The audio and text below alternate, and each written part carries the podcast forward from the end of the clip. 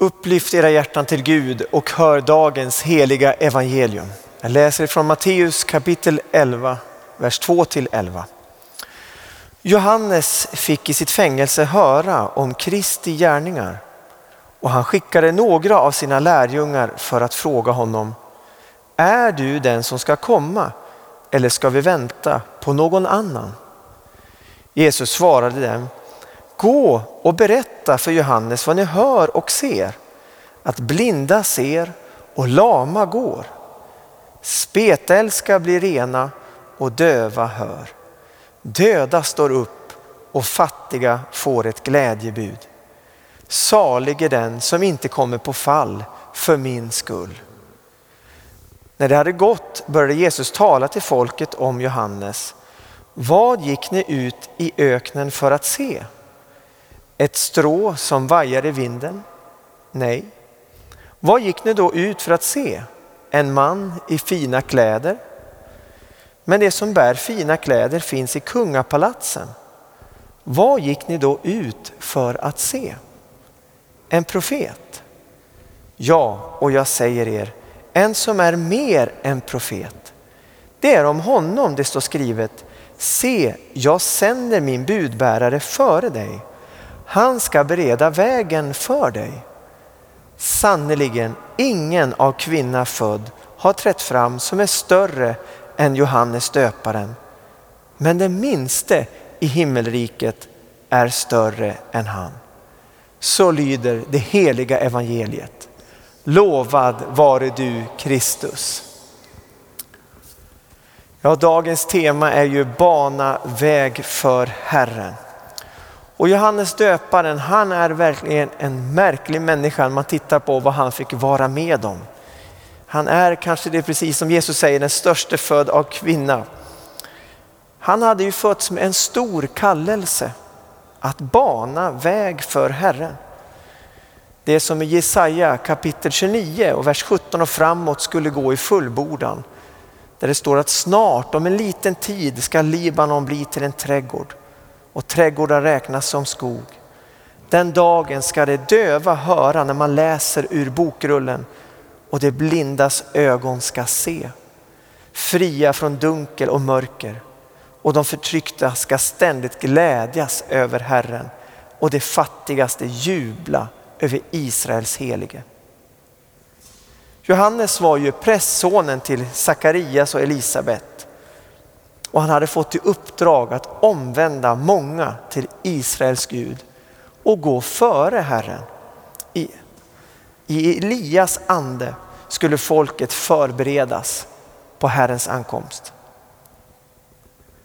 Och den sista profetian som vi ser i gamla testamentet i Malaki, den skulle gå i uppfyllelse i och med Johannes tjänst och kallelse.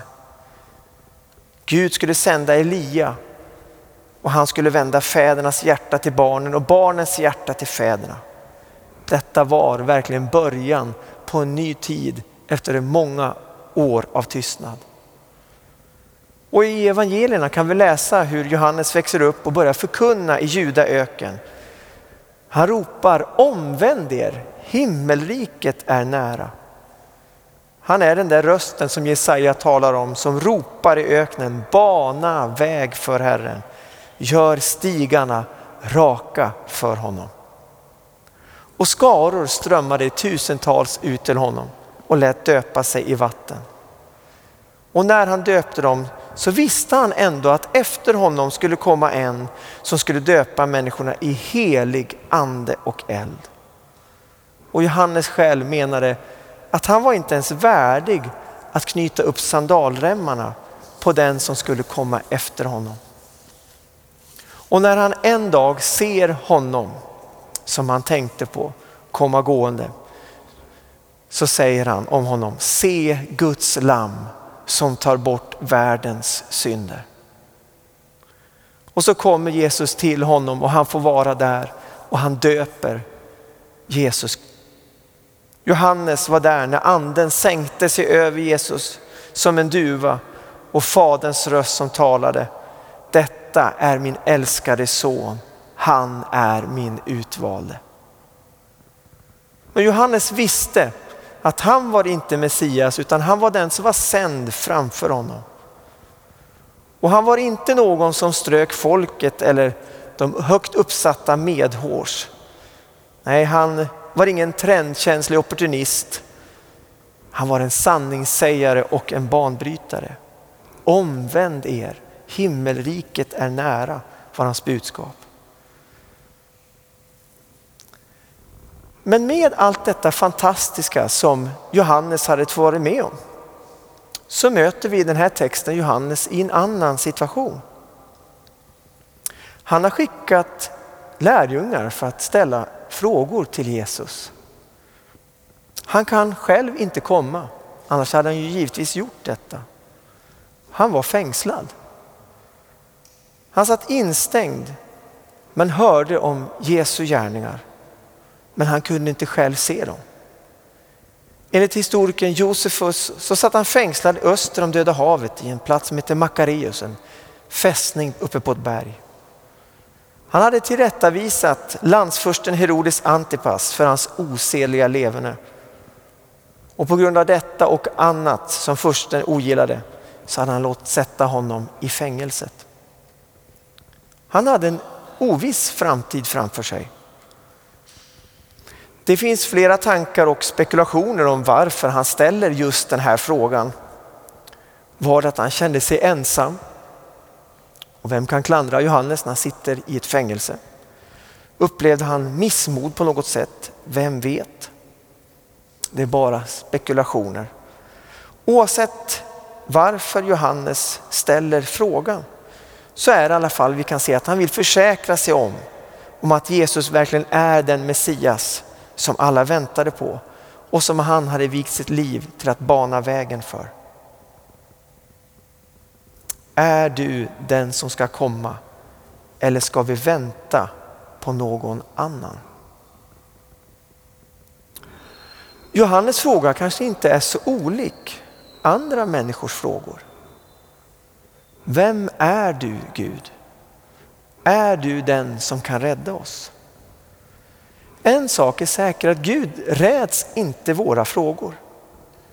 Du kanske har obesvarade frågor i ditt liv. Undrar vem man kan sätta sin tillit till. Vem får vi komma till med våra bördor, det vi skäms över?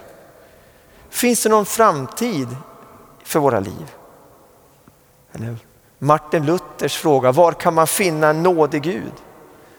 Vad blir vi av med skuld och skam? Och vad ska vi gå med vår oro när mänskliga ord inte längre räcker till till tröst? Till vem ska vi gå? Ja, även där så visar Johannes vägen för oss. Han skickar sina lärjungar till Jesus med sina frågor. Och så kommer svaret. Och man kan tänka sig, det borde ju vara så enkelt för Jesus att bara säga ja och sen skicka iväg de här lärjungarna. Men han svarar på ett annat sätt. Han säger gå och berätta för Johannes vad ni hör och ser. Att blinda ser, lama går, spetälska blir rena och döva hör. Döda står upp och fattiga får ett glädjebud. Salig är den som inte kommer på fall för min skull. Man kan tänka sig varför svarar han inte bara ja? Men Jesus hade ju kommit för att uppenbara vem Gud är både i förkunnelse och med sina gärningar. Så Jesus pekar just detta, både på orden där han talar men också på vad han gör. I evangelierna så ser vi mirakel på mirakel som Jesus utför och hur han i sin barmhärtighet förbarmar sig över människorna. Med de här orden så lämnar lärjungarna med det svaret. Och vi får inte veta hur Johannes tar emot detta, men en sak kan vi säkert veta. Johannes kände skrifterna och han visste profetierna från Jesaja. Genom Jesu ord och gärningar visar Jesus att han är Messias. För vem kan hela? Och vem kan ge den blinde synen tillbaka? Vem kan ge liv åt den som är död? Vem kan göra en spetälsk ren? det kan bara Gud själv. Bara Gud kan hela. Gud är den som ger den blinde synen tillbaka. Gud är den som förmår att uppväcka den döde och ge dem liv. Och bara Gud kan förlåta synderna.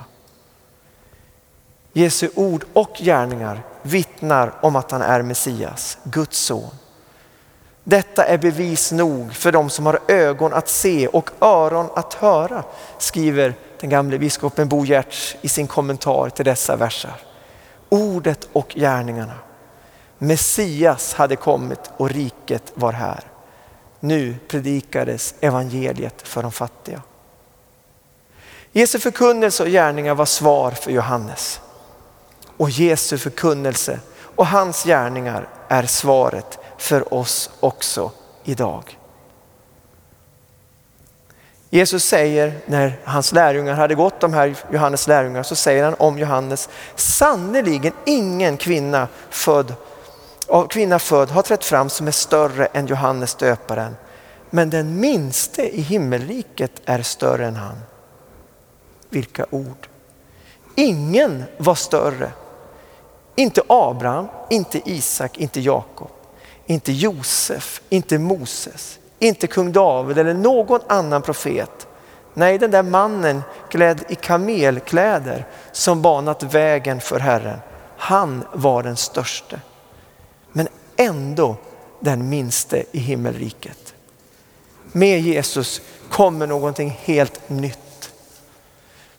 Genom tron på honom så får vi gåvan att få tillhöra himmelriket. Den som är fattig i anden, säger Jesus, dem tillhör himmelriket. Den som erkänner sitt beroende av Gud, som inser att jag sitter inte inne med alla svar själv på livets frågor, utan får sätta min tillit till Gud. Den minste i himmelriket är större än Johannes. Inte har vi fått den platsen på grund av våra egna gärningar, utan på grund av Guds nåd och barmhärtighet. För det som det står i psalm 146 om Herren, han sviker aldrig sina löften. Han ger det förtryckta deras rätt. Han ger det svältande bröd. Herren befriar de fångna. Herren öppnar de blindas ögon och Herren rätar krökta ryggar. Johannes uppgift var att bana en väg för Herren. Och i den psalm 39, den svenska psalmboken, i den tredje versen så står det just detta, de här orden. Öppna ditt hjärta i bön och bot. Upplåt vart hemligt rum. Red dig att taga emot Guds son.